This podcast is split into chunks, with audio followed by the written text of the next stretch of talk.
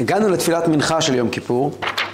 תפילת מנחה, יותר מכל התפילות, עוסקת הרבה מאוד באבות שלנו, אברהם, יצחק ויעקב.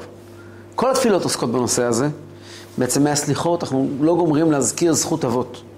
אברהם ויצחק ויעקב, ואברהם ויצחק ויעקב, בלי סוף. יש בדיחה יהודית שמספרים שפעם מישהו מצא שהוא קרוב משפחה של רוטשילד. דפק, דפק אצל רוטשילד על הדלת, הוא אומר לו, רוטשילד פותח ונותן לו כמו שנותן לכולם. אז אומר לו, רב אנשל, אנחנו משפחה. איך אנחנו משפחה? שואל אותו אנשל רוטשילד. עושה לו חשבון שלם. אומר לו, רוטשילד, תקשיב, זה הביתה משפוחת. משפחה רחוקה אתה מקבל כמו כולם. למחרת רוטשילד ניגש חזן, בית הכנסת מאוד אהב להתפלל לפני התיבה, ואותו יהודי ניגש, ברגע שהוא אומר אלוקי אברהם, אלוקי יצחק, אלוקי יעקב, הוא צועק לו רוטשילד, זה הביתה משפוחת, זו משפחה רחוקה, זה אותו דבר כמו כולם. איך אנחנו עדיין מבקשים את הזכות של אברהם, יצחק ויעקב? במנחה זה ממש חוזר על עצמו, אתם יכולים לשים לב, כל ברכה, בכל תפילות ימים נוראים, אבל במיוחד במנחה של יום הכיפורים. אפשר לשים לב לזה, ב-464, מנחה לשליח ציבור בקול רם, חזן מתחיל, איתן הכיר אמונתך, בדור לא ידעו לרצותיך, איתן זה תמיד אברהם. גהץ בך וידע יראתך, כך הלאה, נדבר על אברהם. ואז בקטע השני יש מה אוהב ויחיד לאמו, נפשו בטבח, לטבח בהשלימו, זה על יצחק. ואחר כך זה על יעקב ב-466, אראלים בשם תם ממליכים, תם זה יעקב למלך מלכי המלכים, יופיו לשוב בחס הולכים. כך הלאה, פה מדברים ממש על, על אהבות שוב ושוב, אה, גם בהמשך. יש ב-469 את הפיוט אה, כל נא רפנה. כל נא רפנה תחלואי גפן פוריה, בושה וחפורה ואומלל פריה, גאלנה משחת וממכה טריה, עננו כשענית לאברהם אבינו בהר המוריה, חטאנו צורנו, סלח לנו יוצרנו, וכך הלאה מזכירים שוב ושוב את האבות, כל תפילה מזכירים, בכל הסליחות של יום כיפור, זכור לנו ברית אבות. למה אנחנו כל הזמן מזכירים את האבות? כמו שהטענה של אותו יהודי, זה וייתם משפחה רחוקה. ההסבר הוא, כתוב בתניא, שהאבות הקדושים, אברהם, יצחק ויעקב, נקראים אבות לא רק כי הם אבות האומה הקדמונים לפני ארבעת אלפים שנה. הם אבות כמו אבות מלאכה בשבת. בשבת אנחנו יודעים שאסור לעשות כל מיני מלאכות, יש לנו 39 אבות מלאכות, מלאכות בסיס, שמהם מורכבות כל המלאכות האסורות. או ארבע אבות נזיקין. יש כל מיני נזקים שאפשר להזיק לבן אדם אחר, ויש כל מיני סוגי אה, תשלומים עליהם, שהם נובעים מארבע אבות טיפוס, ארבע אבות נזיקים. גם עם ישראל יש להם ארבע אבות, ש, ש, שלושה אבות וארבע אמהות. שלושה אבות הם, לכל אחד מאיתנו הנפש שלו בנויה משלושה חלקים בסיסיים. החלק, הנשמה היהודית של כולנו בנויה משלושה חלקים בסיסיים, אברהם, יצחק ויעקב. זה לא אברהם, יצחק ויעקב שלפני ארבעת אלפים שנה, אלא זה שורש הנשמה שלנו יש לנו צד של אהבת השם, שנקרא אהבה המסותרת. כולנו אוהבי השם. אם אנחנו רוצים, אנחנו לא רוצים. אהבה זה שייכות. אנחנו מרגישים שייכות לקדוש ברוך הוא. אה, לא תמיד זה בגלוי, אבל ברגעים של מבחן, כאשר הכיסוי של החיים והנפש הבהמית אה, קצת אה, מת, מתנדף, פתאום רואים את האהבה שלנו לשם. יכולים לראות אנשים שביום יום לא שומרים תורה ומצוות, פתאום מגיע איזה רגע שיהודים נמצאים בסכנה והם רצים להגן עליהם, הם רצים לשמור על עם ישראל מתוך אהבה ותחושת שייכות עמוקה מאוד. יהודים מכל העולם דואגים ליהודים בצד השני של העולם, זאת תחושת השייכות שקיימת אצלנו, בילד אין, זה נקרא אלוקי אברהם. זה אברהם שנמצא בתוכנו. יצחק זה יראת שמיים. לכולנו יש יראת שמיים בפנים בפנים פנימה. בתניא זה נקרא אוצר של יראת שמיים. תוך הלב של כולנו, בפנים יש נקודה של יראת שמיים, שאנחנו מרגישים מחויבים לקדוש ברוך הוא. לא רק אוהבים ושייכים, אלא גם מחויבים. וגם לכולנו יש יעקב, יעקב זה הזדהות, רחמים. אנחנו מזדהים עם הקדוש ברוך הוא, מזדהים עם התורה והמצוות. שלושת הדברים האלה, שלושת האבות האלה, בערך עפרו השרים, אומר, אומר, אומר, אה, אומר אה, בשירת, אה, בשירת המים, שירת הבאר, פרשת חוקת, בערך עפרו השרים, קראו הנדיבי העם במחוקק ומשנותם, בתוך הלבבות שלנו ישנו מעיין שנחפר על ידי אברהם, יצחק ויעקב. וכל יהודי ויהודי הוא בן אברהם, יצחק ויעקב, וכל יהודי ויהודייה בנת, בנות, בני שרה, רבקה, רחל ולאה. ויכול להיות שאפשר לכסות את זה בכל מיני כיסויים, אבל האמת לא תמיד תישאר. וכשאנחנו מגיעים ביום כיפור ואומרים לקדוש ברוך הוא, הבט לברית, אל תסתכל על המעשים שלנו, המעשים שלנו זה בין השפה ולחוץ. כי אנחנו בני אברהם, יצחק ויעקב. כולנו תולדות של האהבה הגדולה הזאת, של היראה הגדולה הזאת, של ההזדהות הזו, וברגע מבחן הרי זה בא לידי ביטוי. ומילא הקשר שלנו הוא לא רק קשר של מעשים טובים ולהפך, אלא קשר עמוק יותר. תזכור לנו את זה, תסתכל עלינו כמו בני אברהם, יצחק ויעקב. תפילה חמישית ואחרונה בתפילות היום הקדוש. בכל יום אנחנו מתפללים שלוש תפילות, בשבת ארבע תפילות, וביום הכיפורים אנחנו מתפללים חמש תפילות. יום שנתחייב בחמש תפילות. מה זה חמש תפילות? מוסבר בחסידות. הנשמה שלנו ישנם חמישה שמות. חמישה שמות נקראו לה. נפש, רוח, נשמה, חיה, יחידה. זה כתוב במדרש. מוסבר בחסידות שכל אחד מהם זה level אחר של קיום נשמתי. נפש זה הקיום של הנשמה שלנו במובן הטכני שלה, במובן המעשי, שאיך אנחנו מתנהלים ביום-יום, זה נפש, התנהלות מעשית. אנשים שהנפש שלהם היא העיקר, וזה אגב רוב האנשים בדור שלנו, כך כתוב בספרים, שהדור שלנו שייך בעיקר לבחינת נפש, הם אנשים מאוד טכניים, אנשים מעשיים. אנשים שעיקר עבודת השם שלהם זה בקיום מצוות מעשיות.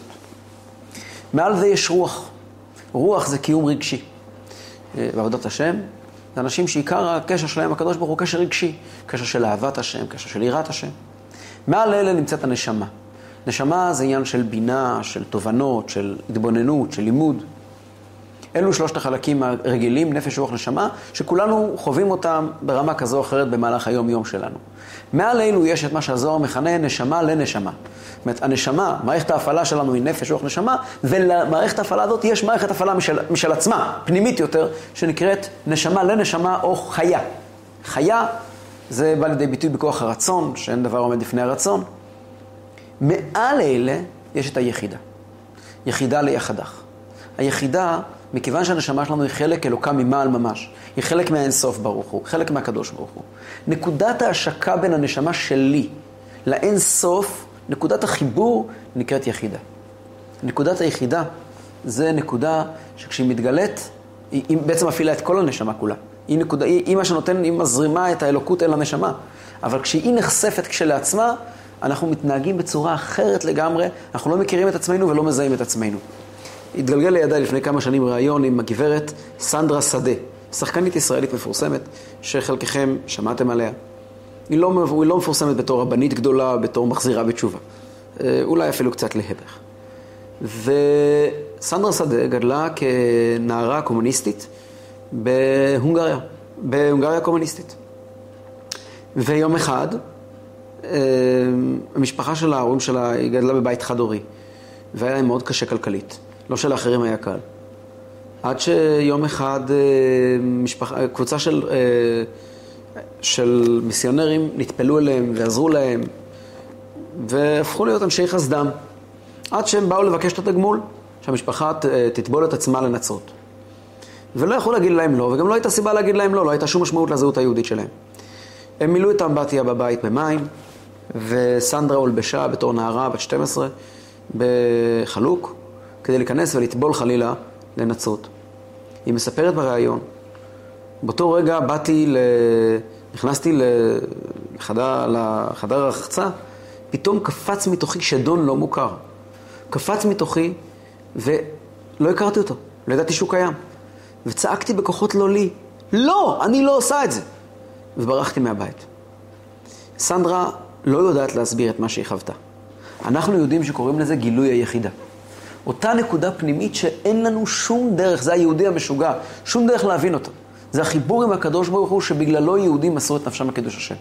על קידוש השם מסרו את עצמם במהלך הדורות לא רק רבנים ו- ושוחטים ויהודים יראי שמיים, גם מה שנקרא פושעים ומורדים, גם הם מסרו את נפשם על קידוש השם.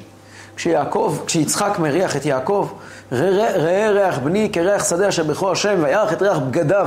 אומרים חז"ל, אל תקראי בגדיו אלא בוגדיו. הוא הריח את הקדושה של הבוגדים היהודים.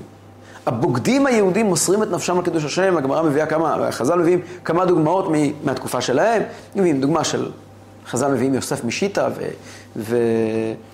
יקום איש צררות, דמויות מהעבר ההוא, אבל גם בדורות האחרונים יש לנו אנשים שלכאורה היו רחוקים לגמרי מכל זיקה ליהדות, וברגע האמת מסרו את נפשם על קידוש השם מתוך הכרה מוחלטת, וזה גילוי היחידה. בגיל, ב, ביום הכיפורים זה יום של גילוי היחידה. וגילוי היחידה מגיע לשיאו בתפילת נעילה. בתפילת נעילה, כשאנחנו פותחים את ארון הקודש, מתפללים את כל תפילת הנעילה מול ארון קודש פתוח, זו לא תפילה שאנחנו מתפללים מתוך המודעות הרגילה שלנו. זו לא תפילה שמתפללים באופן טכני, כנפש. זה לא רק תפילה שמתפללים באופן רגשי, מתוך הרוח. זה לא תפילה שמתפללים באופן שכלי, מכוח השכל שלנו. זו תפילה שתופסת את הנקודה היסודית ביותר באישיות שלנו, את היחידה. מספיק לשמוע את המנגינה של נעילה. איי, איי, איי, איי, איי, איי, איי, איי, איי, איי, איי, איי, איי, כדי להיזכר בטעם המיוחד הזה של גילוי היחידה. בשעת אמירת תפילת נעילה, כתוב בחסידות, הסיבה הפשוטה שתפילת נעילה נקראת נעילה, מכיוון שהיא נועלת את היום. כפי שאומרים בתפילת נעילה, אומרים... יש לנו את זה בעמוד מספר אמ, חמש מאות. פתח לנו שער בעת נעילת שער כי פנה יום. בעת נעילת שער, לכן זה נקרא נעילה. אבל על פי חסידות זה נקרא נעילה כיוון שברגעים האלה הקדוש ברוך הוא נועל את עצמו איתנו. והוא לא מניח לאף יצור ולאף בריאה הכי גבוהה שלא תהיה. אף מלאך ואף שרף לא יכול לעמוד בקדושה של תפילת נעילה. כשם שכאשר נכנס הכהן הגדול לקודש הקודשים, ברגעי ההתייחדות שלו עם ארון הברית, שהוא לבד שם, נאמר בתורה, וכל אדם לא יהיה באוהל מועד, בבואו לכפר בקודש עד צאתו, אומרים חז"ל, וכל אדם, הכוונה היא לפרצופים העליונים. אדם, הכוונה היא למלאכים הכי עליונים, שפניהם כפני אדם. דרגות הכי גבוהות שקיימות באלוקות לא נמצאים ברגעי ההתייחדות המיוחדים האלה של הקדוש ברוך הוא עם הבן שלו, של הקדוש ברוך הוא עם עם ישראל. וכולנו עוברים את זה ברגעים של נעילה. הרגעים של נעילה הם גם רגעי חיתום. ברגעים האלה נחתם, אנחנו נחתמים כולנו לשנה טובה ומתוקה. ולכן, בתפילת נעילה אנחנו אומרים, במקום כותבינו לחיים, חותמינו לחיים. וכתום לחיים טובים כל מיני בריתך. חתימה פירושו פרמוט. הנושא של חיים טובים מגיע ברגעים האלה לשיא שלו. דבר נוסף, באמירת הקדיש לפני נעילה, ישנו שינוי מכל הקדישים כולם. מנהג חלק מקהילות העולם, שבכל עשרת ימי תשובה אומרים במקום לעילה מכל בריחתה ו... לעילה מן כל בריחתה ושירתה, אומרים לעילה ולעילה מכל בריחתה ושירתה. מנהג חב"ד, שרק בתפילת נעילה אומרים את זה. לילה ולילה מכל ברכתה ושירתה. איי איי איי. למה אומרים לילה ולעילה? מוסבר בחסידות שספירת המלכות, כלומר השורש של העולם, ובמיוחד השורש של עם ישראל, מתעלה בדרגה הזו לעילה, ברגעים האלה, לעילה ולעילה, לשורש השורשים של הקיום כולו. הדבקות הזו של עם ישראל עם הקדוש ברוך הוא, היא לא כפי שעם ישראל הוא כאן, אלא אנחנו ברגעים האלה נמצאים כולנו לילה ולילה, מחוברים עם האין סוף בעצמו. ברגעים האלה משתדלים להתפלל תפילת נעילה בעמידה, אומרים את שם השם, את, את ג' מידות הרחמים שוב ושוב ושוב בתוך התפילה, אומרים פיוטים שונים, והסיום הוא אתה הבדלת אנוש מראש, תפילה מיוחדת שאנחנו בעצם מודים על יום הכיפורים. כשמסיימים אומרים את אבינו מלכינו האחרון. אפילו כשיום הכיפורים חל בשבת, שאז לפי פסקי אדמו"ר הזקן לא אומרים אבינו מלכנו, אבל בתפילת נעילה אומרים, אבינו מלכנו חותמנו בספר חיים טובים, חותמנו בספר גאולה וישועה וכך הלאה. כשמסיימים את כל זה, ניגשים לומר שמע ישראל. אדמו"ר הזקן כתב בסידור שלו שלוש שורות. מצאתי בשלה, שלה זה שני לוחות הברית, הספר של רבי ישעיה הורוביץ. כשאומרים בתפילת נעילה שמע ישראל בקול רם ובכוונת הלב, יכוון כל אחד מישראל למסור נפשו על קדושת שמו יתברך שמו. ונחשב לו הכוונה כאילו עשה בפועל וכאילו עמד בניסיון על קידוש השם. צריך לדעת, בסידור של אדמו"ר הזקן, כמעט ולא מופיעים הנחיות מהסגנון הזה. מעטים עד לא קיימים. נו, זה כן מאוד מאוד מאוד אה, קונקרטי ו- ומדויק, ולא מרבה בדברים שיכולים להביא לי לרגשנות כלשהי. הסידור הוא מינימליסטי, אין בו יהי רצונים, ומאוד מאוד מאוד מינימליסטי, ובכל זאת שלושת השורות האלה מופיעות כאן לפני ההכרזה, שמע ישראל, ואז ברוך שם שלוש פעמים, והשם הוא אלוקים שבע פעמים. מוסבר בחסידות שבמרגעים האלה אנחנו מקבלים על עצמנו עול מלכות שמיים, ומביאים את הקדוש ברוך הוא, השם הוא האלוקים אל החיים שלנו. מורידים אותו אל החיים שלנו, מבטיחים לקדוש ברוך הוא שהחיים שלנו כל השנה יתנהלו כמו שכעת החלטנו ביום הכיפורים.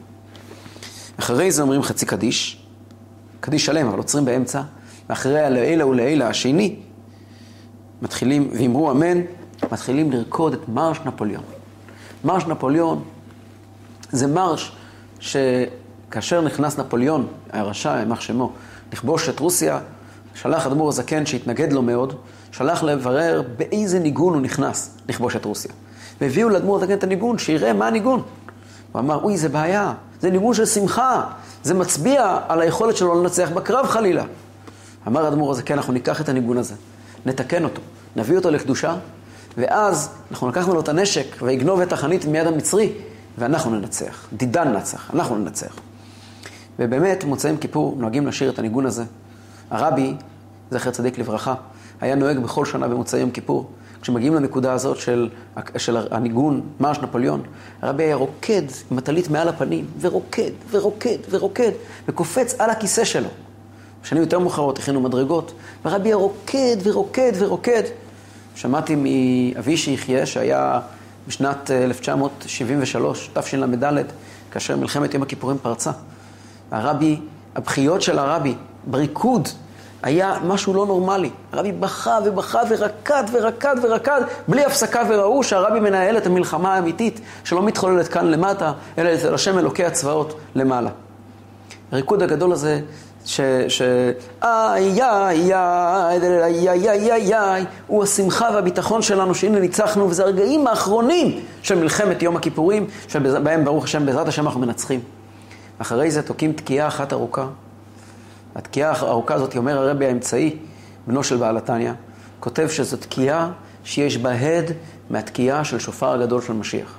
והראיה, כותב אדמו"ר האמצעי לפני 200 שנה פלוס, שאנשים שכל השנה לא באים לבית הכנסת, באים לשמוע את התקיעה הזאת.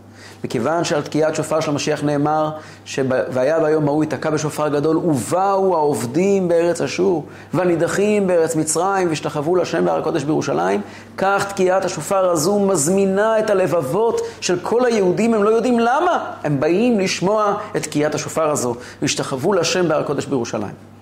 ואחרי אנחנו מכריזים, לשנה הבאה בירושלים. מסביר הרבי הקודם, רבי יוסף יצחק, המילים האלה אלו הבטחה. ריבונו של עולם, אני החרבתי את הירושלים שבלב שלי. ירושלים, שבמוצאי פסח שנה שעברה הבטחתי שאני אשמור עליה, הוצאת אותי ממצרים ואמרתי לשנה הבאה בירושלים בסיום הסדר פסח, והבטחתי לקדוש ברוך הוא שאני אשמור על ירושלים, החרבתי אותה. ואני אולי לא הייתי מספיק שלם, אבל מרגע זה אני מבטיח אנחנו נבנה את ירושלים. ושנה הבאה, במהלך השנה הקרובה, אנחנו נבנה את ירושלים. ירושלים זה בחינה של יראת שמיים פנימית, ובוודאי נזכה גם לגאולה שלמה לירושלים האמיתי. ואז מסתיים הקדיש שעצרנו אותו באמצע, ותתקבל. אחרי זה יש את התוספות של סיום תפילת נעילה. מיד אחרי תפילת נעילה יש תפילת ערבית, שאחריהם מכריזים חג שמח ומתחילים את ימי השמחה. גמר חתימה טובה.